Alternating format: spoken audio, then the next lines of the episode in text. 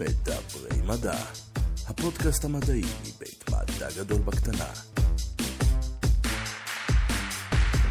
שלום וברוכים הבאים למדברים מדע, הפודקאסט המדעי מבית מדע גדול בקטנה. יוחאי מנדבי, לא בקטנה בכלל, מה העניינים? בסדר גמור, מה איתך שמעון?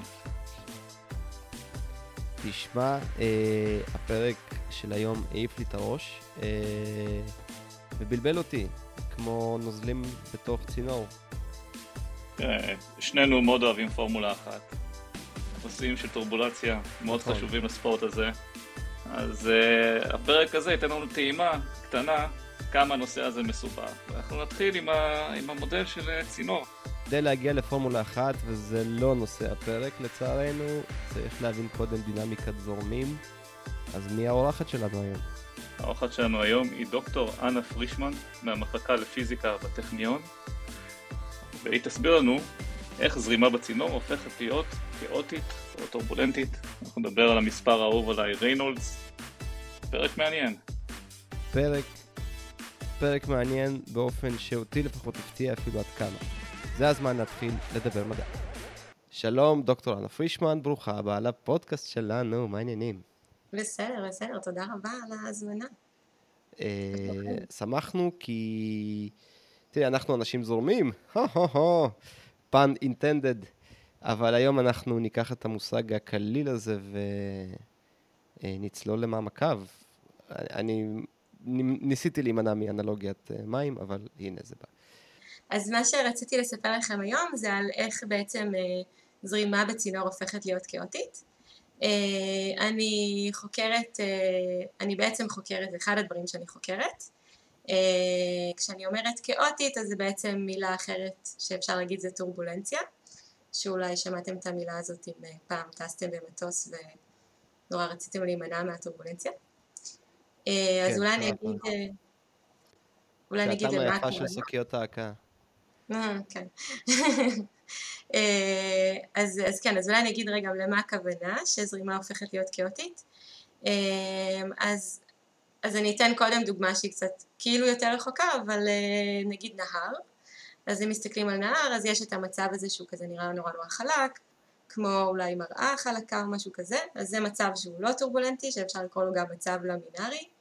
אם נגיד אה, נכניס איזה אה, טיפה של צבע לתוך הזרימה הזאת, אז היא פשוט אה, תתמשך למין פס ארוך ארוך ארוך, אה, מאוד אה, כזה יציב, מאוד ישר, נכניס, לה- נמשיך להכניס כל הזמן צבע בנקודה מסוימת, הוא לא יתערבב ולא יקרה לו כלום.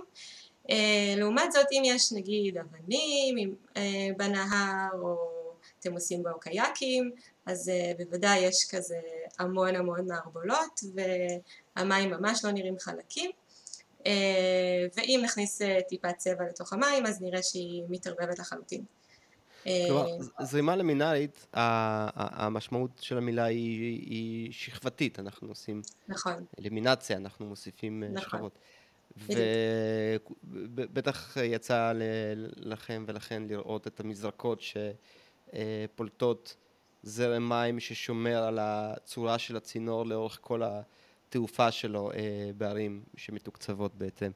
ובעצם כל הרעיון פה, הרי המים מהברז שלנו הם זורמים בצורה טורבולנטית. וזה בעצם המצב הטבעי, זאת אומרת, מאוד קל לגרום לא, למים לא, להיות... רגע, אז- אז אפשר לדבר על זה מה זה המצב הטבעי. אה, בנסיבות שבהן יש זרימה, ואנחנו הולכים לדבר על מים בצינורות, ולכולנו יש אה, מים שמגיעים מצינורות, אני מניח, כן. אה, אלא אם כן... אז אתה יכול לשלוט. בזה, כן? אם אתם, אז זה ניסוי שאפשר לעשות בבית, הוא לא מסוכן ומאוד מאוד פשוט. אם פתחתם פעם ברז, אז אתם יכולים, אם אתם יכולים לשלוט בכמה חזק לפתוח אותו, אה, אז אם אתם מותחים אותו מאוד חלש, אתם תראו מין זרם כזה שהוא מאוד מאוד רגוע, הוא שקוף לגמרי, אפשר לראות דרכו הכל. אה, פותחים קצת יותר חזק, אז המים מתחילים להיות יותר פחות שקופים, שזה אומר שמתערבב עם האוויר שבחוץ, אה, פחות אפשר לראות דרכו, וכשפותחים ממש, אז הכל נהיה כזה מעורבב. אז, אז בעצם זה מעבר מזרימה למינארית, אם היינו מכניסים טיפה בהתחלה, אז במקרה הלמינארי זה פשוט היה יוצר קו, אה, לזרימה טורבולנטית. בואו רק נתעכב ונשאל, למה חשוב לחקור זרימה טורבולנטית בצינורות? כן, אז זו שאלה מצוינת, שיש לה בעצם שתי תשובות. אז תשובה אחת היא בעצם אה, נוגעת בזה שאנחנו מובילים מלא דברים בצינורות, כגון גז ונפט, אה, ואנחנו רוצים להוביל את זה על פני מרחקים גדולים. מן הסתם צריך להפעיל איזה כוח, איזה הפרש לחצים, בשביל להעביר מסה של מים ממקום אחד לשני. אה, וכשמפעילים את הפרש הלחצים האלה, אם הזרימה היא למינארית, אז צריך להפעיל פחות uh, לחץ, הפרש לחצים, ואם הזרימה היא טורבולנטית, אז בנוסף להעברה של המסה הזאת של, של המים ממקום למקום, אנחנו צריכים להפעיל עוד לחץ, כי נוצרות כל המערבולות הקטנות האלה, ובעצם החיכוך של הצינור, ה, של המים עם הצינור גדל, uh, ואנחנו מעבירים אנרגיה למערבולות האלה, שאחר כך עושה, יוצאת בתור דיסיפציה כזאת של חום, ובקיצור זה אומר ש... זה הרבה פחות יעיל אם יש טורבולנציה בצינור, אז אם היינו יכולים להימנע ממנה היינו רוצים. אמ, ו... מה, מה סדרי הגודל של אובדן האנרגיה בנגיד צינור גדול כמו צינורות שמובילים נפט מאסדות ל... אז זה יכול להגיע, אני חושבת שזה יכול להגיע ל... כן, אני לא בטוחה. אני חושבת שזה יכול להגיע לשני סדרי גודל אה, ויותר, אבל אני לא לגמרי בטוחה. זה נשמע כמו אה, כסף למישהו. כן, בדיוק. אז כבר, אז יש אה, כל מיני דברים שאנשים עושים בשביל למנוע, זה נקרא drag reduction, למנוע גרר.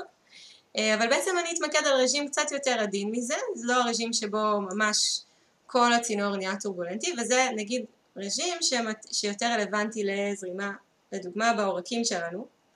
אז בעורקים שלנו יכול להיות כל מיני דברים, דבר אחד שיכול להיות זה מפרצת, אז זה אומר שהעורק מתנפח, אז הרוחב של הצינור משתנה בצורה אה, פתאומית. בדרך כלל הזרימה בעורקים שלנו ובוורידים שלנו היא למינארית. כן, אם לא קורה שום דבר אה, מפתיע אז הזרימה היא למינארית.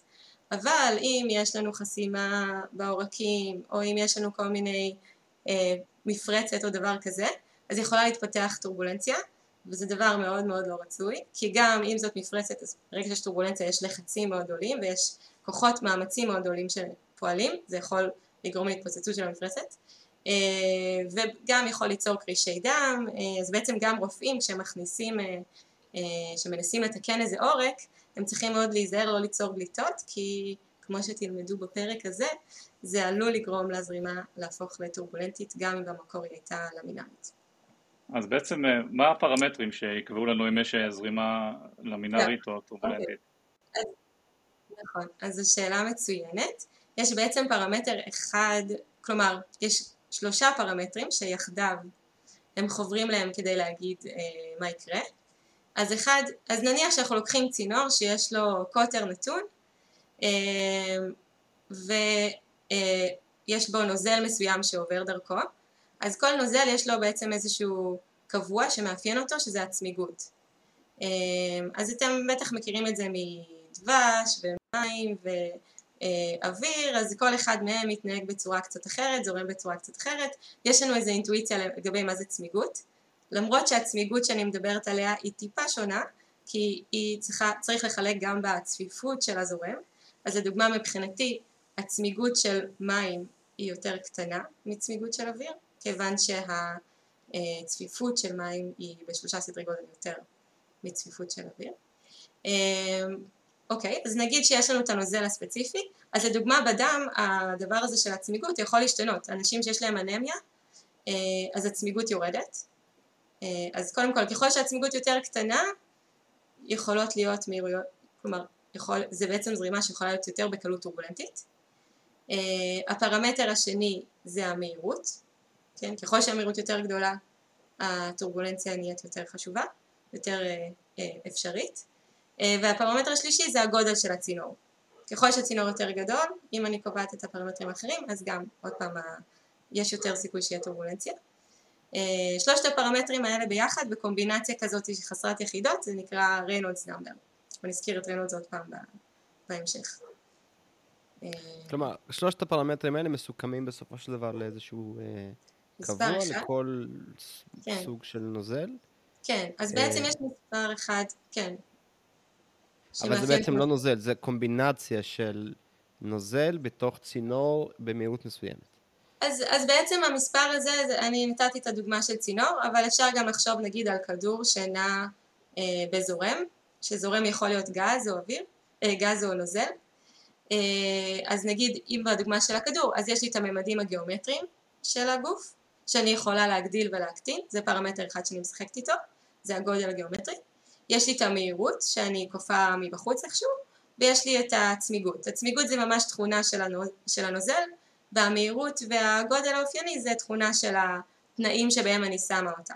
אז בעצם המכפלה של המהירות באורך האופייני, לחלק לצמיגות, זה נותן מספר אחד שהוא חסר יחידות. שהוא בעצם מקבל... מה זה? אני מקווה שהמאזינים שלנו רושמים. לא, לא, לא, זה מצוין, זה מצוין, אנחנו מאוד אוהבים מספרים, בוא תמשיכי. אז, אה, אז בעצם המספר הזה אפשר לחשוב עליו בתור משהו שמכמת כמה אינרציה היא חשובה לעומת כמה כוחות צמיגות או דיסיפציה הם חשובים. אז לכן הצמיגות מופיעה במכנה, ככל שהיא יותר גדולה המספר הזה יותר קטן, ככל שהמספר הזה יותר קטן זה אומר שהאינרציה פחות חשובה ויש, והזרימה היא יותר למינארית. מגניב. סבבה. אה, אז שנחזור לא, רגע, הפוך? לא הפוך? ככל שהאינרציה יותר חשובה, המספר כן. הזה הוא יותר גדול. כן. Okay? אוקיי? ואז הטורבולנציה היא יותר uh, אפשרית. אנרציה יותר גדולה. יותר אפשרית, סבבה, כן. כי אמרת מקודם, אז זרימה היא יותר למינארית. אה, סליחה. אוקיי, זה... סבבה, אוקיי, לא, לא, לא, הנה, אני, אני עוקב אחרי המספרים שלך. אני מוכן לבוא. אני לא עוקבת. אה, אני רק אה, אגיד שהתחום כל כך מסובך, שמספר ריינולדס פשוט מאפשר לנו בני אדם להבין את זה קצת יותר טוב. זה עושה סדר בכל הדברים.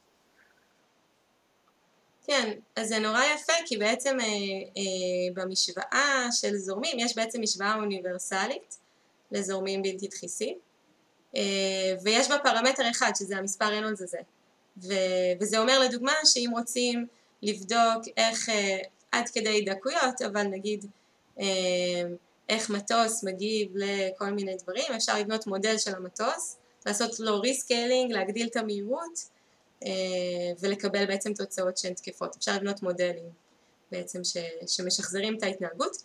שמעון כרגע חושב על מכוניות פורמולה אחת. נכון, נכון, זה דברים שבודקים במנהרות רוח. כן, אז עושים להם הסדר. כל כך טוב. אבל הדבר היחידי ש, שהוא קצת עדין זה שלפעמים יש פיצ'רים שהם נורא נורא קטנים שיכולים להיות חשובים אה, ואותם להם קשה לעשות rescaling, אז בקטע הזה זה נכשל לפעמים. אה, אבל בהחלט... אמרת נוזלים אה, בלתי דחיסים.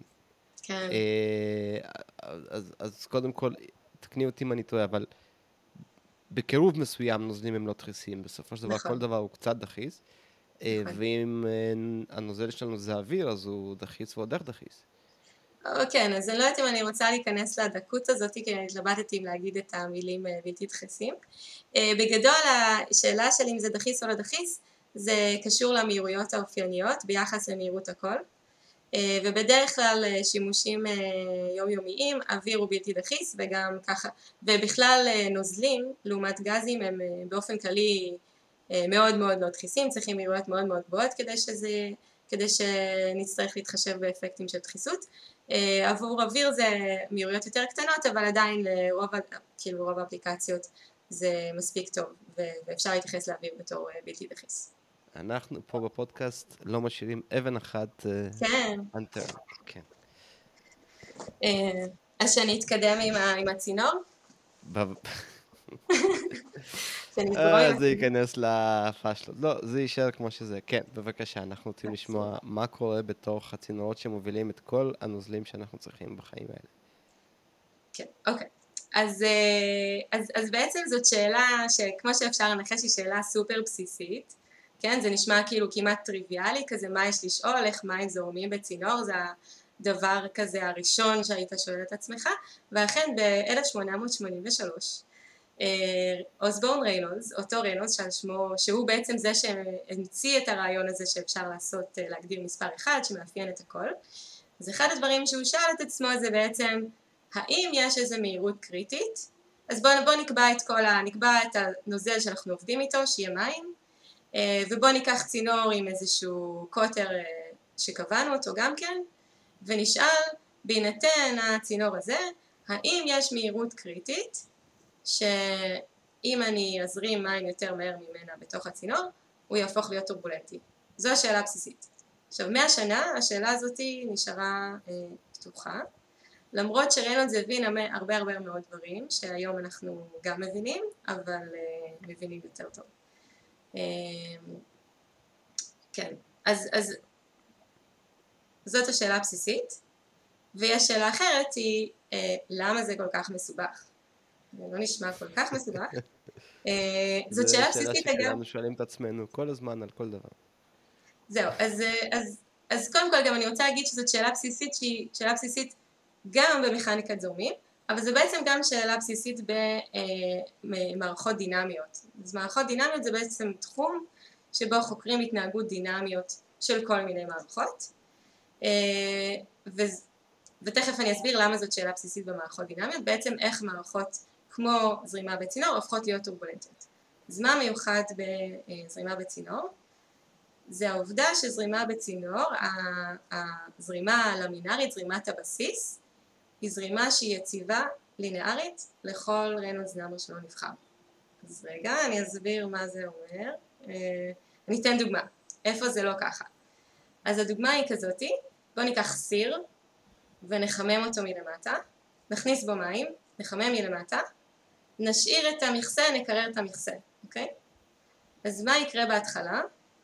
בהתחלה תהיה אה, הולכת חום מלמטה למעלה וייבנה איזשהו פרופיל טמפרטורה, כמו, ש, כמו בידית, כן? כמו במוצק, בעצם יש איזשהו גרדיאנט, גרדיאנט טמפרטורות שנבנה.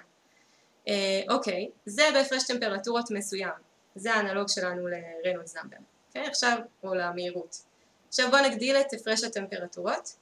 אם נגדיל את הפרש הטמפרטורות, מה שיקרה זה שהגרדיאנט טמפרטורות האלה יהפוך להיות פרופיל לא יציב. זה אומר שמים חמים מלמטה, פתאום אם נעשה פרטורבציה קטנה לפרופיל הזה, הם יעלו למעלה, כן, אז כמו שאוויר חם עולה למעלה, גם מים חמים עולים למעלה, ויעשו ריסרקולציה כזאת. כן, אז ייווצר כלומר, מצב אחר. אם אני מבין את הדימוי שלך נכון, בהפרש טמפרטורות נמוך, המים החמים עדיין יעלו למעלה ויתקררו, אבל כל זה לא, יקרה לא כל כך... הם לא יעלו למעלה בכלל? לא, לא יעלו למעלה, פשוט ייבנה לי איזשהו פרופיל שהוא, שהוא יציב, שהוא, שיש בו הפרש טמפרטורות. ויש איזושהי שאלה של האם הפרופיל הזה הוא יציב או לא יציב. זה פתרון שקיים במערכת. כמו שהוא קיים במוצא, הוא קיים גם בנוזל. שפשוט יש לי הפרש טמפרטורות.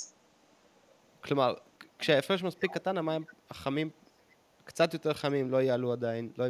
מעניין. לא אוקיי. יעלו, פשוט יהיו למטה. כן, יהיה, יהיו מים חמים למטה, מים קרים למטה, וזה פרופיל שהוא יכול להיות. אוקיי? מגניב. אה, עכשיו נגדיל את הפרש הטמפרטורות, ומה שייווצר זה הסעה, קונבקציה. ככה עננים נוצרים, כן? אה, ואם נגדיל את... עכשיו יודעים לחשב בדיוק באיזה הפרש טמפרטורות, זה לא באמת הפרש טמפרטורות, יש מספר שקוראים לו ריילי נאמבר, לא משנה. אה, יודעים לחשב בעצם שקשור לכוח הציפה וכולי, אה, ולהתפשטות של המים כשהם מתחממים, אבל בכל מקרה יש איזשהו מספר קריטי כזה, שמעליו הפתרון הזה של ההפרש טמפרטורות מאבד יציבות ומתחילה זרימה ואם נמשיך להגדיל את הפרש הטמפרטורות, בסופו של דבר כל המערכת הזאת תהיה כאוטית בבת אחת, תהיה זרימה כזאת מלאה מערבולות וכל מיני דברים בכל המרחב של הסיר. מה זה? כל מי שמכין פסטה. כן. בדיוק. סבבה, אוקיי, אז זה, זה כאילו התמונה הקלאסית. מה זה? אני מכין ככה עוגה. אז זאת התמונה הקלאסית של אי יציבות, אוקיי? אי יציבות לינארית. אז מה הכוונה אי יציבות לינארית? בואו עכשיו ניקח אה, כדור ותלולית אה, של דשא, אוקיי? זה יהיה כאילו האנלוגיה. אני רוצה, אני רוצה להסביר מה זה יציבות לינארית ומה זה, מה, מה זה מצב שהוא לא יציב לינארית ומה זה מצב שהוא יציב לינארית אבל לא יציב לא לינארית. אוקיי? אנחנו okay? מחכים בקוצר רוח לשמוע את ההסבר לכל המונחים המעניינים האלה. אוקיי, okay, מעולה. אז, אה, אז בואו נדמיין תלולית דשא, אוקיי? אה, יש לנו איזושהי גבעה קטנה ואנחנו שמים עליה כדור ולידה יש בור, אוקיי? אם שמנו את הכדור בראש הגבעה, אם שמנו אותו בדיוק ככה, שהוא בדיוק ב, בלמעלה של, הזה, של הגבעה, כן? אז הוא לא יתגלגל למטה, כי זה בדיוק הנקודת שבט, כן? הוא לא יתגלגל. אבל אם אני אתן לו פוק קטן, פרטורבציה הכי קטנה שיש, יתגלגל למטה לבור. זה אי יציבות אה, לינארית. linearly unstable. Okay? אוקיי? זה אומר איפה פה הלינארי? אז הלינארי זה בגלל שאם אני אעשה לינאריזציה קטנה סביב הנקודה הזאתי, אני אגלה שאני נמשכת לכיוון, אה, לכיוון למטה. כן. אה, למה זה נקרא לינארי? זאת אומרת, איפה הפקטור כן. הלינארי פה? אז הפקטור הלינארי, אולי זה גם יהיה קצת יותר ברור ברגע שאני אסביר מה זה היציבות הלא לינארית. אה, הפקטור הלינארי מגיע מזה שאני יכולה לעשות לינאריזציה מסביב לנקודה הזאתי, וזה יגלה לי את הכל. אוקיי? בגלל שפרטורבציה הכי קטנה שאני אעשה, אה, היא כבר תשלח אותי לבור. אה, אז בעצם זה מספיק לי לעשות אנליזה לינארית, והיא תגלה לי אה, את הכל על המצב. אז מה, מה המקרה של אי יציבות לא לינארית? אז עכשיו בואו נדמיין עוד פעם שני בורות, אבל אחד יותר עמוק מהשני, ואני שמה את הכדור בבור היותר רדוד, וביניהם יש לי תלולית. עכשיו, אם הגובה של התלולית הזאת הוא גבוה, אני, שוב, אני לא במצב הכי יציב, כן, אם אני אתן פרטורבציה לכדור, הוא יעבור מעל המחסום וינחת בבור היותר נמוך. אבל אני צריכה לתת לו דחיפה. עכשיו ככל שהגובה של התלולית הזאת שבאמצע שמפרידה בין שני הבורות שלי יורדת, ככה הדחיפה שאני צריכה לתת היא יותר קטנה. אבל היא אף פעם, תמיד שאני אעשה איזה פרטורבציה קטנה מסביב לבור שלי, למיקום של הכדור בתוך הבור, היא לא תגלה לי את העובדה שיש פה איזה מחסום שאני צריכה לעבור. שאני צריכה לתת דחיפה סופית שאני צריכה לעבור מעל המחסום. אז זאת אי יציבות לא לינארית, וזה המצב בצינור. בעצם בצינור הזרימה הבסיסית הלמינארית היא יציבה, לא, היא יציבה לינארית, וזה אומר שיש איזשהו סף של הפרטורבציה שצריך לעבור בכדי לגרום לטורבולנציה להופיע. אז, אז עכשיו השאלה של מה המהירות הקריטית שבה הטורבולנציה מופיעה היא מאוד שונה, כי עכשיו, קודם, אם, אם, אם הזרימה הייתה קודם יציבה לינארית, ואז הופכת ללא יציבה לינארית, שבדוגמה שלנו זה שהבור הופך פתאום לתלולית, אז במקרה הזה יש לי איזשהו מספר אה, ברור, שכל פרטובציה שאני לא אעשה בעצם תגיד לי שהמצב הזה הוא כבר לא יציב ותופיע לי טורבולנציה. אבל במקרה של הצינור, כיוון שהוא יציב לינארית, זה אומר שזה חשוב איזה פרטורבציה אני עושה. אם אני אעשה פרטורבציה קטנה מדי, אני אחזור לבור שלי, שזה הזרימה הלמינארית. ובעצם כל המחקר זה להבין איפה הגבול שלנו עומד. אז זה לא כל המחקר. כל המחקר, השאלה, בואו כן. נשאיר את השאלה בעינה, השאלה היא, כן. אה, יש כמובן שזה חלק מהמחקר, של להבין איך הסף הזה נראה, אה, אבל זה רק חלק מהמחקר, כי עדיין אנחנו יכולים לשאול את השאלה, רגע, אז מה, מה המהירות, בכל זאת, אני רוצה להגדיר איזה משהו קריטי, אז מה המהירות הקריטית? אוקיי? אז... יש לי אה, שאלה. אז, כן. החיכוך של הנוזל בדפנות, mm-hmm. אה, אה, הרי יכולים להיות כל מיני דפנות. נכון. שאלה חשובה. אה, או, או, או, זאת אומרת, איך את מסתכלת על זה? או, ש, או אה, חיכוך כזה, זה בעצם המכשול, זו הפרטובציה. זאת שאלה מעולה, שהיא, שהיא אכן, זה נכון. הסיפור שאני מספרת זה עבור צינורות חלקים. אוקיי, צינור אידיאלי כאילו. כן, אישה, כן, אתה יכול לחשוב על זה גם בתור, כיוון שיש איזשהו סף בשביל לעשות טריגר לפרטורבציה, אני יכולה ליצור את הצינור חלק מספיק כדי שלא שבאופן טבעי לא ייווצר לי. אז, אז באמת זאת שאלה טובה מאוד כי גם אה, ריינולדס כשהוא עשה את הניסוי אז קודם כל הוא, הוא, ידע, הוא ידע את זה גם כן והוא אפילו הגיב על זה, דארסי עשה איזה ניסוי לפניו, הוא אמר אה הוא לא עשה control טוב לטמפרטורה והצינורות שלו היו חלודים ו... אה, והוא עדיין השתמש בדאטה שלו ורק כל מיני דברים מעניינים. אה, אבל משהו שהוא, שהוא נחמד אז בעצם הרגישות הזאת לסף היא אומרת יש איזשהו מספר אופייני שתכף אני אגיד אותו, שבו, מספר רנוז אופייני שבו הטורבולנציה בדרך כלל מופיעה ומתחילה להיות, אה, אפשר להתחיל לראות אותה בצורה, בעצם ממשיכה לחיות בצינור, אבל אם מאוד מאוד מאוד זהירים, שזה אומר לדוגמה שהצינור יהיה מאוד מאוד חלק, להפחית רעשים מהסביבה, אז אפשר להגיע למהירויות שהן פי 40 מהמהירות הזאתי, ושהמים לא יהפכו להיות טורבולנטיים. אוקיי? אז הסף שאני אגיד לכם שבו הצינור הופך להיות טורבולנטי, אם נהיה מאוד מאוד זהירים ולא ניצור שום פרטורבציה, נוכל, אפשר להגדיל את המהירות שבה הצינור יהיה עדיין יישאר למינארי ב-40, פי 40 ביחס למספר שאני אגיד. כלומר, יש פה הבדל מאוד מעניין בין ה... זה לא בדיוק זה, אבל תיאורטי למעשי, וגם יש פה בעצם עוד נכון. המון המון המון פקטורים, אה, איפה הצינור הזה מונח ו... אה, אז הסיפור משעשע, שאני חושבת שהוא נכון, אבל אם לא אז תסלחו לי, אה, זה שבעצם ריינולדס עשה את הניסוי הזה ב-1883, ואז ניסו לשחזר את הניסוי שלו, נראה לי לכבוד המאה שנה או משהו כזה, באותה מעבדה במנצ'סטר, וריינולדס הצליח להגיע למספרי ריינולדס של, של 13 אלף, אני חושבת, הוא לא קרא לזה אז מספר ריינולדס, ואז מי שביורן הוף זה מי שניסה לשחזר את הניסוי, ובשום אופן הוא לא הצליח להגיע למספרים, למספרי רנולדס כאלה גבוהים. והתשובה ללמה לא זה שבתקופתו של רנולדס מה שהיה בחוץ זה כרכרות וסוסים ובתקופתו של, בתקופתנו אנו היו בחוץ מכוניות והמון אנשים וזה כבר היה מספיק רעש בשביל לגרום בשביל פרטורבציות לטורבולנציה. מעניין. כן. אז אפשר עכשיו עוד פעם לשאול את השאלה, אה רגע, אולי לפני זה.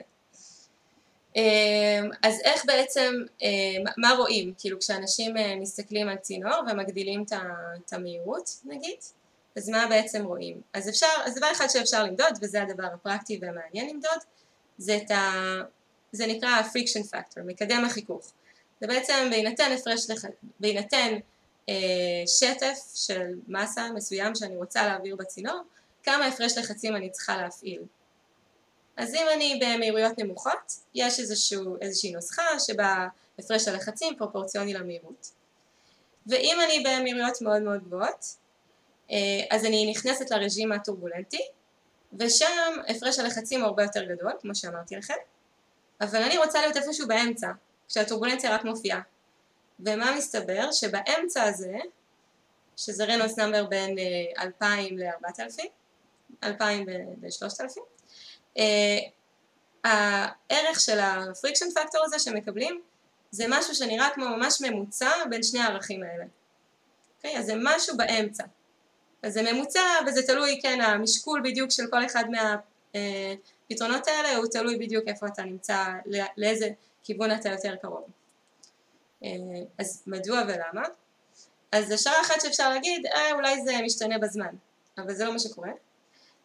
מה שקורה זה שנוצרים ברג'ים הזה, של ה... שבו הטורבולנציה יכולה להופיע אם עושים איזושהי אקסיטציה אה, קטנה, אז מה שמופיע זה פולס טורבולנטי שנע במורד הצינור.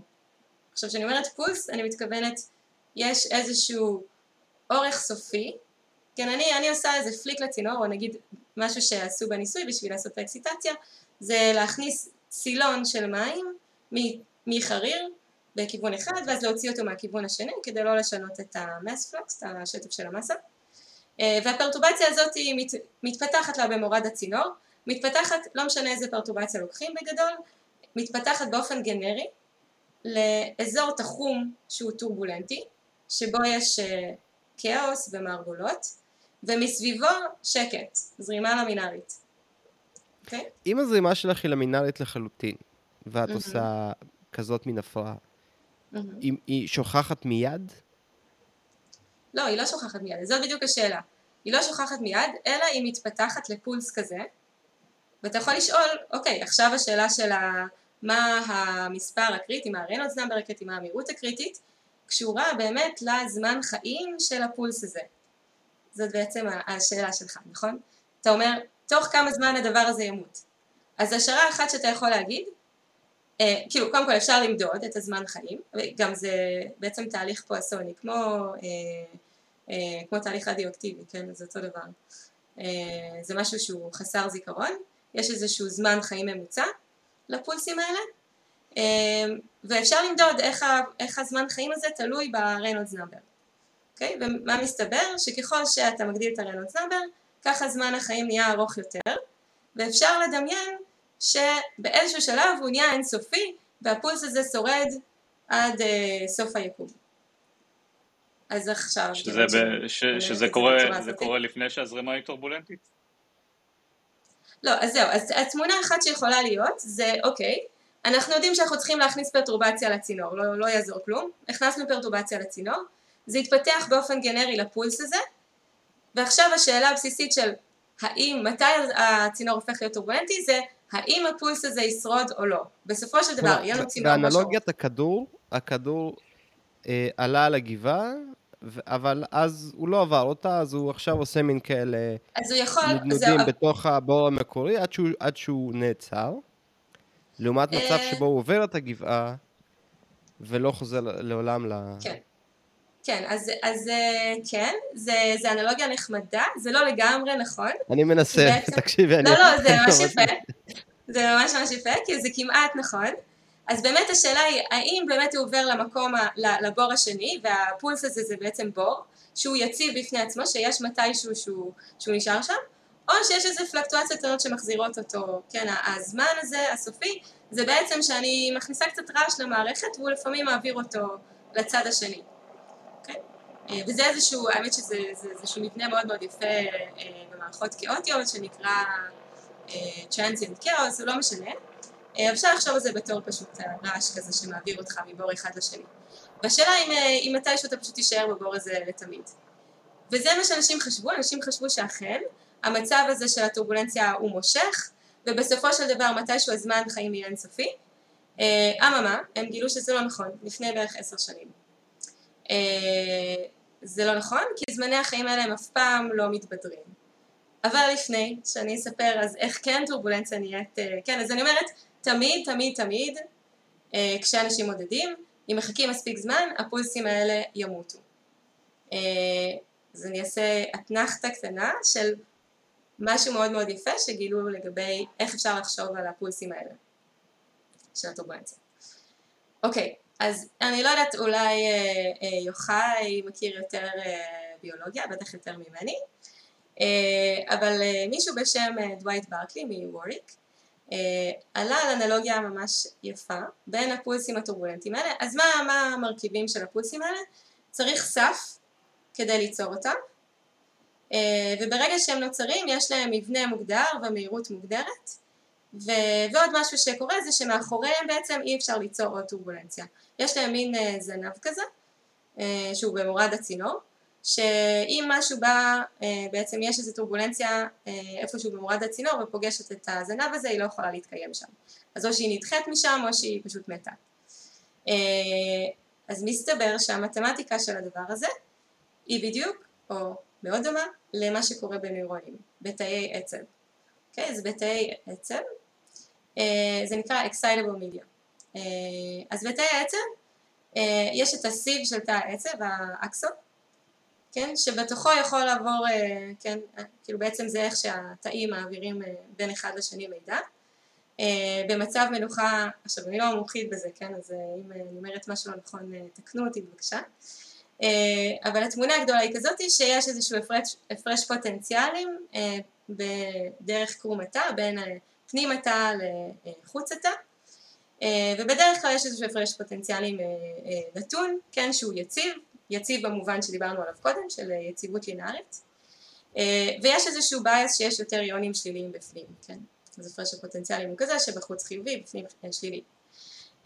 ואז ברגע שהוא מקבל איזשהו אינפוט מספיק חזק, שהוא עובר את פוטנציאל הפעולה, כן, ה-action potential, זה בדיוק הסף שדיברנו עליו לפני שנייה, אז יכול להיווצר פולס כזה, של מתח חיובי בתוך, ה, אה, בתוך הסיב ויש לו גודל אה, נתון ומהירות נתונה שבה הוא נע, אה, הפולס הזה נע במורד העצב וזאת בעצם התקשורת בין, ה, בין תאי העצב, כן? זה בעצם התנועה הזאתי לאורך הסיב והוא שם לב, הפרופסור הזה, דווייט, ברקלי, הוא בא מהתחום של excitable media, של המתמטיקה הזאת של פיזיקה לא לינארית, והוא ממש ראה את האנלוגיה הזאתי, ובנה מודל אפקטיבי שתופס בדיוק את הדבר הזה ומראה שככה זה גם עבור צינור. זה מודל פנומנולוגי במובן שהוא לא, יש את משוואת התנועה, נאבי סטוקס, הוא לא לקח ועשה ממנה דריבציה, אלא הוא הכניס מרכיבים במודל אפקטיבי שתופסים את, ה, את הרעיון הזה של ההיזון השלילי ומתוך זה הוא קיבל בעצם את הפנומנולוגיה שרואים בצינור. אז אני אגיד רגע מה הפיזיקה בפולסים בצינור, okay? אוקיי? מה, מאיפה מגיעה הפיזיקה. אז הפיזיקה היא כזאתי, אה, טורבולנציה, אוהבת לאכול הפרש מהירויות גדול, שנקרא גם שיר, בין המרכז של הצינור לשפה של הצינור. בשפת הצינור המהירות היא אפס, כי המהירות של הדפנות היא אפס. במרכז הצינור המהירות הרבה יותר גדולה, כי אנחנו מעבירים איזשהו, כן, איזשהו אה, שטף של מסה, שהוא כן, לא קטן. וביניהם יש גרדיאנט? בדיוק, אז הגרדיאנט הזה, זה הדבר החשוב, שהטורבולנציה אוהבת לאכול. אז מה קורה בעצם? כשיוצרים איזושהי פרטורבציה, נוצרת הטורבולנציה, ברגע שיש גרדיאנט מהירויות גדול, הטורבולנציה אוהבת אותו ונוצרת אה, לכל הכוח, כן? אז, אז אתם יכולים לדמיין שבעצם הפולס הזה אה, באיזושהי מערכת ייחוס הוא כאילו נע במעלה הצינור, הוא אוכל את הטורבולנציה, אוקיי, אבל מה הטורבולנציה עושה? היא עושה ערבובים, היא מערבבת את התנע, אה, וזה גורם לזה שההפרש מהירויות קטן, כי הטורבולנציה ערבבה את הכל. ברגע שהפרש המהירויות קטן, הטורבולנציה כבר לא יכולה להיווצר באותה עוצמה, והיא דועכת ודועכת ודועכת לאפס. ואז, כשהיא אפס, אז הפרופיל, פרופיל המהירויות, הגרדיאנט המהירויות הזה, חוזר להיות מה שהוא היה כשהוא היה למינארי. וזה יוצר איזשהו זנב, הזנב הזה שבו הזרימה היא למינארית, אבל הגרדיאנט הוא קטן, זה בעצם זנב שבו הטורבולנציה לא יכולה להיווצר, כי אין לה מספיק אנרגיה, מספיק גרדיאנט מהירויות בשביל להיווצר. זו התמונה של הפולסים האלה. אה, זה הסיפור. של הפולסים. וואו. אז יש עוד, יש עוד. אנחנו דיברנו עכשיו... אני... אה, לפעמים אתה חושב על הפרק האחרון שהקלטת, ו... עכשיו בוא'נה, דיברתי עכשיו שעה על פולסים של הפרעות לנוזלים בצינורות. אה, כן. אני, אני חושב שהשאלה, השאלה באמת, אה, איפה זה פוגש אותנו ביום-יום, דיברנו שזה פוגש אותנו באמת בצנרת המים שלנו, בדיוק. אבל יש עוד הרבה שימושים, רק כדי אולי אה, לסבר למאזינים שלנו, כמה משמעותי זה בחיים של, של כולנו, התקדמות במדע, בכיוון הזה של המדע. אה, אוקיי, אז שוב, אני בגדול, אני מתעניינת בדברים שהם לא פרקטיים, בדברים שהם בסיסיים, אה, והשאלה הזאת של איך זרימה, איך אה, בעצם מערכות שהן יציבות לינארית נהיות לא יציבות, זאת שאלה מאוד מאוד בסיסית במדע, שהיא רלוונטית להרבה מערכות, כיוון שיש אכן הרבה מערכות שהן לא יציבות לינארית, שהן, סליחה, יציבות לינארית, וזה יכול להיות חשוב גם כן, גם כשאנחנו רוצים שהמערכת תישאר יציבה. אז לדוגמה, אם אנחנו מבינים את, ה, את המכניזם שדרכו הזרימה נהיית טורבולנטית, או להפך, כן, שהיא לא יכולה להיות טורבולנטית, אה, אז אנחנו יכולים לגרום לטורבולנציה להיעלם. כן? או אם אנחנו מבינים שיש איזשהו מבנה מתמטי מאחורי הטירוף שהוא אה, מערכות לא לינאריות שהן יציבות לינארית, אה, אז אנחנו יכולים להבין איך בעצם לגרום למערכות האלה, קודם כל למה לצפות, ודבר שני, איך לגרום למערכות האלה כן להיות יציבות. אז לדוגמה, אנשים השתמשו אה, בתכונה הזאת, בהבנה הזאת, שברגע שיש הרבה טורבולנציה, היא גורמת לזרימה להיות, גורמת לזה שאי אפשר ליצור טורבולנציה, והזרימה נהיית למינארית, כדי בעצם ליצור זרימה, לגרום לזרימה הטורבולנטית לקרוס ולהפוך ללמינארית. הזכרת את משוואות נבי אוסטוק מקודם. כן. יש לי עוד, אה, זה, אני לא סיימתי את הסיפור, אבל אה, אני רק אומרת, יש עוד דברים בקנה. קאט, תסיימי את כן. הסיפור. סבבה. אני אוקיי, אוציא את זה. סבבה. אז, אה, אז השאלה שעדיין לא עניתי עליה, היא השאלה של מה המהירות הקריטית, האם יש מהירות קריטית, אוקיי? זו שאלה שהעסיקה רבים וטובים אה, הרבה מאוד זמן. אוקיי, אז אמרתי שהפולסים האלה יכולים למות, ואתם מבינים קצת את הפיזיקה של הפולסים האלה. עוד משהו שיכול לקרות להם, שאנשים גילו, זה שהם יכולים להתפצל. אז עכשיו אנחנו יכולים לדבר גם על מה הזמן חיים עד, ל... עד שפולס כזה מתפצל. אפשר לחשוב על זה גם בתור פולס שמתרבה, כי בעצם מאחד אה, מופיעים שניים, הם לא יכולים לחפוף, אז זה ממש כזה כמו התרבות כזאת של טורבולנציה. כלומר, הזנב של הראשון מונע מהשני להתקרב אה, אליו, כן, דוחה אותו, בדיוק. אבל איכשהו אחד הופך לשניים, אוקיי? זה תהליך שיכול לקרות. אה, והזמן חיים של, של התהליך הזה הוא בעצם נהיה יותר ויותר קצר ככל שמגדילים את הרמז נאמר, ונהיה יותר ויותר מסתבר. ואז אנחנו מתחילים להבין איך מופיעה, אה, מה זה הנקודה הקריטית במערכת הזאת, שתכף אני אגיד שהיא ממש כמו נקודות קריטיות אחרות בפיזיקה, שזה גם משהו נחמד. אה, אז מה זה נקודה, מה, למה, איך הנקודה הקריטית הזאת מופיעה? אנחנו יכולים לשאול ברנולדס נאמבר ספציפי, האם יש לנו יותר סיכוי שפולס, נגיד הכנסתי את הפרטורבציה, יש לי כבר פולס, השאלה היא אם אני אחכה הרבה זמן, האם הוא ימות, כן? אז אם, מה יש, למה יש יותר סיכוי?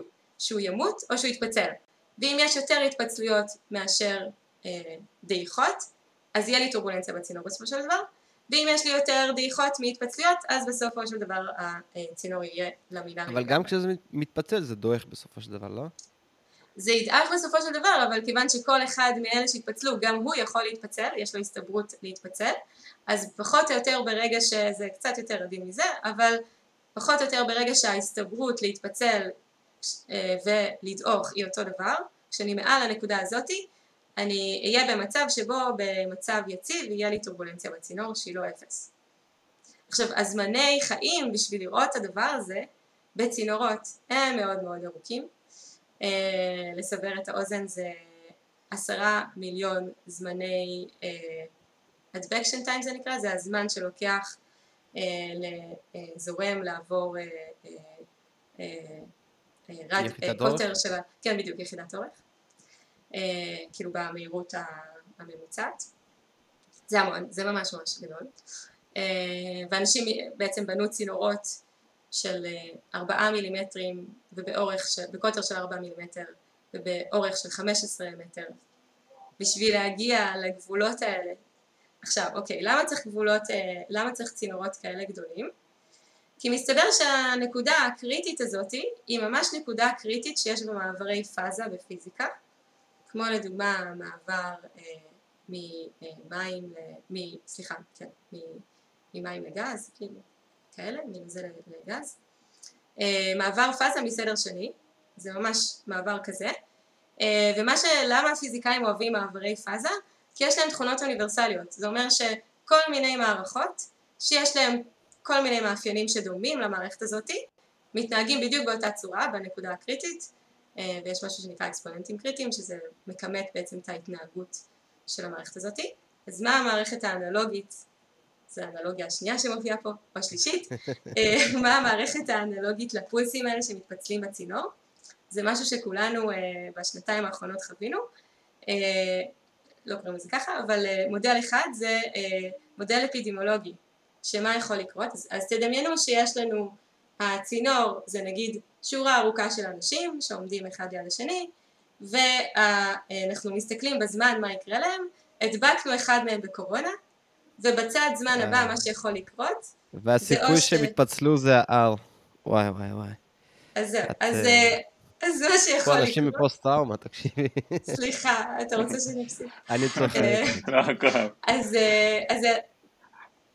אז מה שיכול לקרות זה שאו שהבחורצ'יק שהדבקנו, או הבחורה, אה, יחלימו, או שהם ידביקו שכן. וזה מה שקורה בכל צעד זמן, ואנחנו יכולים... כשמתפצלים, האנרגיה נשמרת או מתפצלת בין שניהם? כי כדי שזה יעבוד עד אין סוף, זאת אומרת... כן, אבל... צריכה להיווצר אנרגיה, צריכה, צריכה אז... להתווסף אנרגיה. אז זהו, אז תזכור שהאנרגיה לטורבולנציה הזאת היא מגיעה מהזרימה הלמינארית. בעצם האנרגיה הקינטית של הזרימה הלמינארית מומרת אה. ל... לאנרגיה של הפלקטואציות, של הטורבולנציה, פלוס אנרגיה אה, של הזרימה הממוצעת שהיא פחות מהזרימה הלמינרית. אז מבחינה אנרגטית... ובדומה לאפידמיולוגיה, עם בעצם קורות יותר התפצלויות מאשר דעיכות. בדיוק, אז יש שאלה, אז יש איזשהו Reynolds number קריטי, שזה קשור להסתברות להידבק ולהחלים ועל היחס בין ההסתברויות האלה, שמעליו בעצם תהיה לנו אוכלוסייה שתמיד יהיה בה מישהו חולה, או שתהיה לנו אוכלוסייה בריאה, וזה בדיוק האנלוגיה לזרימה למינארית או זרימה טורבולנטית. אה, ובעצם זה נקרא Directed Percolation, ה class אוניברסליות הזה.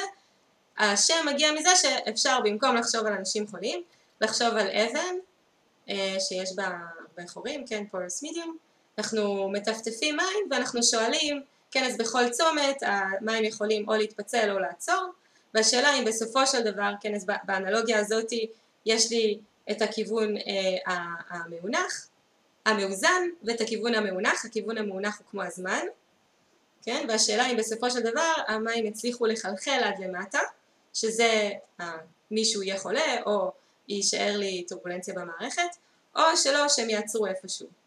יש איזשהו, אה, מש, איזשהו פרמטר קריטי שבו המים יחלחלו עד למטה. אה, אז זאת האנלוגיה פה. ובעצם האורך של הצינור הוא כל כך ארוך, זה מאפשר את ה, בעצם את, ה, את הפול הסטטיסטי בעצם לאפשר לפעילות הזאת לקרות. כן, אז הגבול של הצינור הארוך בזמנים ארוכים זה קשור למשהו שנקרא הגבול הטרמודינמי בפיזיקה סטטיסטית, שבפיזיקה סטטיסטית זה די קל, כי זה פשוט אומר שאנחנו רוצים להיות בגבול שבו יש לנו המון המון מולקולות לדוגמה, כן, שזה, אוקיי, מספר אבוגדרו זה מספר די גדול, אז זה מאוד קל להיות בגבול הטרמודינמי, כי בעצם המעבר הזה נהיה חד רק בגבול הטרמודינמי הזה, כשאני יכולה נגיד לחשוב על פולס אחד בתור משהו שהוא, כן, שהוא ממש אפס, ואז המעבר יהיה רציף בין מצב שבו אין טורבולנציה בכלל, וכשאני מגדילה קצת את הרנוס נהיה לי מספר סופי ואז המעבר יהיה רציף.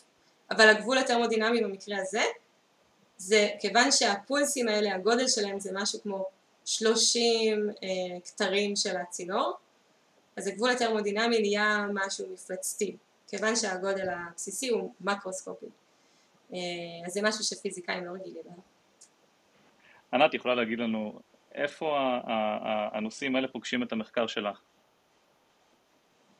כן, אז, אז uh, כפי שאולי uh, יכולתם לשמוע, אני חושבת שהנושא הזה הוא ממש מלהיב, uh, וכשגיליתי עליו אז, אז מאוד התעניינתי והיו לי כל מיני מחשבות רנדומליות, ובעצם בהתבסס על המודל האפקטיבי הזה שאמרתי לכם ש, ש, שדווייט ברקלי בעצם הגה, אז אפשר להתמקד בו קצת יותר ולנסות לחקור בעצם, אז, אז השאלה שהתחלנו ממנה היא בעצם אוקיי, מה המכניזם שמאפשר את ההתפצלויות של הפולסים האלה?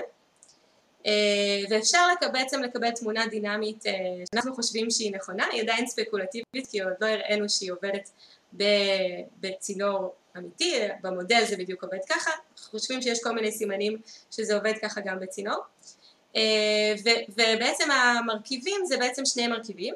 אז אחד זה אם אנחנו מעלים את הרנולדס נאמבר עוד אז התמונה של הפולסים נעלמת ובעצם אם אני יוצרת איזה פרטורבציה היא פשוט מתרחבת בצינור. וזה קשור לעובדה שכשאנחנו מעלים את הרנולדס נאמבר מספיק אז נוצר לי איזשהו מצב יציב חדש שזה טורבולנציה שהיא פשוט אה, יכולה לתפוס את כל הצינור. וברגע שזה קורה אז היא ממש זה מה שהיא עושה היא מתפשטת בכל הצינור.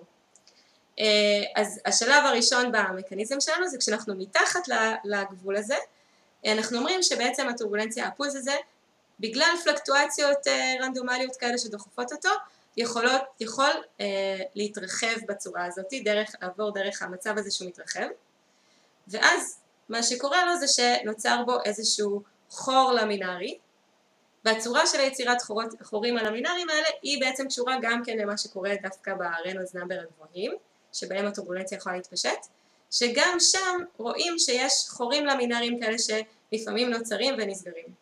אז המכניזם שלנו בעצם אפשר להרחיב את הפולס הזה לפני שהוא באמת רוצה להתרחב, ברנוס דאמר יותר נמוך, הוא יכול להתרחב לפעמים במקרה דרך המכניזם הזה, ואז יכול להיווצר בו אה, מין חור כזה, וזה גורם לפיצול. אה, עכשיו מה שנחמד במקניזם שאנחנו מציעים זה שהדרך שבה אנחנו, מה שאנחנו אומרים זה אוקיי, אנחנו יודעים שההתפצלויות צריכות להיות יותר ויותר מסתברות ככל שהרנוז נאמבר גדל אז איך זה בא לידי ביטוי במקניזם שלנו והאם זה תמיד נכון? אה, ומה שאנחנו טוענים זה שזה לא תמיד נכון ואנחנו יודעים שיש מערכות אחרות, בעצם יש המון המון מערכות של זורמים שבהם מופיעים פולסים כאלה ולפעמים אנחנו חושבים שזה לא יהיה נכון, שתמיד התפצלויות יהיו יותר אה, מסתברות ככל שמגדילים את הרנוז נאמבר והסיבה היא שזה אומנם נהיה יותר ויותר קל ליצור את ההתרחבות של הפולס אבל ליצור את החור הלמינארי הזה נהיה יותר ויותר קשה וזה לפעמים יכול להיות אה, מין צוואר בקבוק כזה שמונע את היצירה של החור הזה. ועוד משהו שהדבר הזה הוביל אותנו אה, להבין זה שאנחנו חושבים עכשיו שהחורים הלמינאריים האלה שנוצרים הם מין תמונת מראה של הפולסים הטורבולנטיים שנוצרים והם מין פולסים למינאריים בתוך הזרימה הטורבולנטית אה, עד עכשיו אנשים אה, כן ידעו שהם קיימים אבל לא ידעו שזה מין משהו, מין מבנה מוגדר שיש לו גודל מוגדר וזהו, אז עכשיו אנחנו מאמינים לפחות שיש מין פולסים כאלה למינאריים שהם דומים לפולסים הטורבולנטיים בתמונת מראה שלהם. איך אתם, איך מודדים את הפולסים, אה, את החורים הלמינאריים במעבדה? איך אתם רואים את זה? זה משהו שנעשה בתוך הצינור. נכון, אז, אה, אז זו שאלה טובה גם באופן כללי, איך מודדים דברים בתוך הצינור. אה, אז יש שני, שתי דרכים למדוד דברים בתוך צינור, אחד זה להכניס חלקיקים שמחזירים אור, ואז אפשר לעשות משהו שנקרא PIV, שזה בעצם למדוד את המהירויות מכאלה פריימים קצרים, זה דבר אחד. דבר שני זה שמודדים את הלחץ, אז כל פעם שיש טורבולנציה אז הלחץ עולה ואפשר למדוד את ההשתנות של הסיגנל של הלחץ. ודבר שלישי זה שבעצם אנחנו די די די בטוחים במאה אחוז שמשוואות נאבי סטוקס עובדות, שזה המשוואות הבסיסיות של, של פיזיקת זורמים, ולכן לעשות סימולציות שלהם במחשב אה, זה משהו שאפשר לעשות. יש יתרונות למחשב ול, כן, ולניסוי, בניסוי אפשר לעשות דברים לזמנים הרבה יותר ארוכים, אבל בסימולציות אפשר למדוד הרבה יותר דברים, אה, ובעצם מסימולציות אפשר לראות בצורה מאוד ברורה את החורים האלה. אה, זה עוד לא הוכח, שוב זה עוד לא הוכח שבאמת החורים האלה נשארים ככה קבועים במרחב, ואני חושבת שיש הרבה אינדיקציות לזה, אבל זה עדיין ספקולטיבי. וגם במערכות אחרות בעצם רואים מין פולסים מוגדרים, אנחנו חושבים שזה אה, קשור בעצם לתמונת מראה של הפולסים הטורבולנטיים. שמעינה, אה, מרוב אה, מערבולות נהייתי מעורבל מאוד. אני חייב להגיד שהקטע שהפולסים הלמינאריים הם בעצם תמונת מראה של המערבולות העיפה לי את המוח לחלוטין, זה היה, אני חושב, פשוט נקודת סיכום מדהימה, לא, לא סיכום, נקודת פאנצ' ליין מצוינת לפרק הזה. אה, שהיה מרתק, כי פשוט, אה, פשוט כל מה שסיפרת היה אה, מדהים, וכן, אני אומר את זה על פרק שכולו הוקדש לזרימה של נוזלים בתוך צינור. זה למה מדע זה דבר שבו בחרנו לעסוק בשעת ערב זו. דוקטור אנה פרישמן, אני ממש ממש רוצה להגיד לך תודה על פרק נהדר. אני רוצה לדעת מה... אה, הדבר הבא שתגלו, האם אה, תאשרו את ההשערות האלה. אה, צאי איתנו קשר, אולי מישהו יבנה את הצינור העתידי שיוביל את הנפט של כולנו. אולי, אולי לא נפט, אולי משהו יותר ידידותי לסביבה. בשנים שיבואו, אז את, כמו כולם, מאוד מאוד מוזמנת להגיע אלינו לפודקאסט שוב. אבל לצערי זמננו להיום תם. ואני רוצה להגיד תודה ליוחאי מנדבי, שיושב בחדר ללא מזגן באילת החמה, אני חושב שרק על זה בן אדם, מדליה וצינור אה, מים קרים אה, יבוא טוב. אה, לכם ולכן המאזינות והמאזינים שלנו, שאתם שומעים איתנו על קשר בכל המדיות החברתיות האפשריות. תורמים לפטריון שלנו, באמת, מיליוני לייקים. אבל לא שקלים, שמעון, לא שקלים. הוא שם. זהו, שיש שם, אמרתי, תורמים, מיליוני, כבר ציפיתי. ביטקוין. כן, הלוואי, הלוואי. אבל אנחנו עובדים על זה, אנחנו עובדים על זה, ובזכות אורחות כמוך, אה, יום אחד הפטרון הזה יהיה אה, מודל לחיקוי לכל פטרון באשר הוא פטרון. אנחנו רוצים להיפרד מכם להשבוע, והפרק הבא, כמובן, כבר בקנה. אנחנו היינו מדברים מדע, פודקאסט מדעי של מדע גדול בקטנה. עד הפעם הבאה, יאללה, ביי.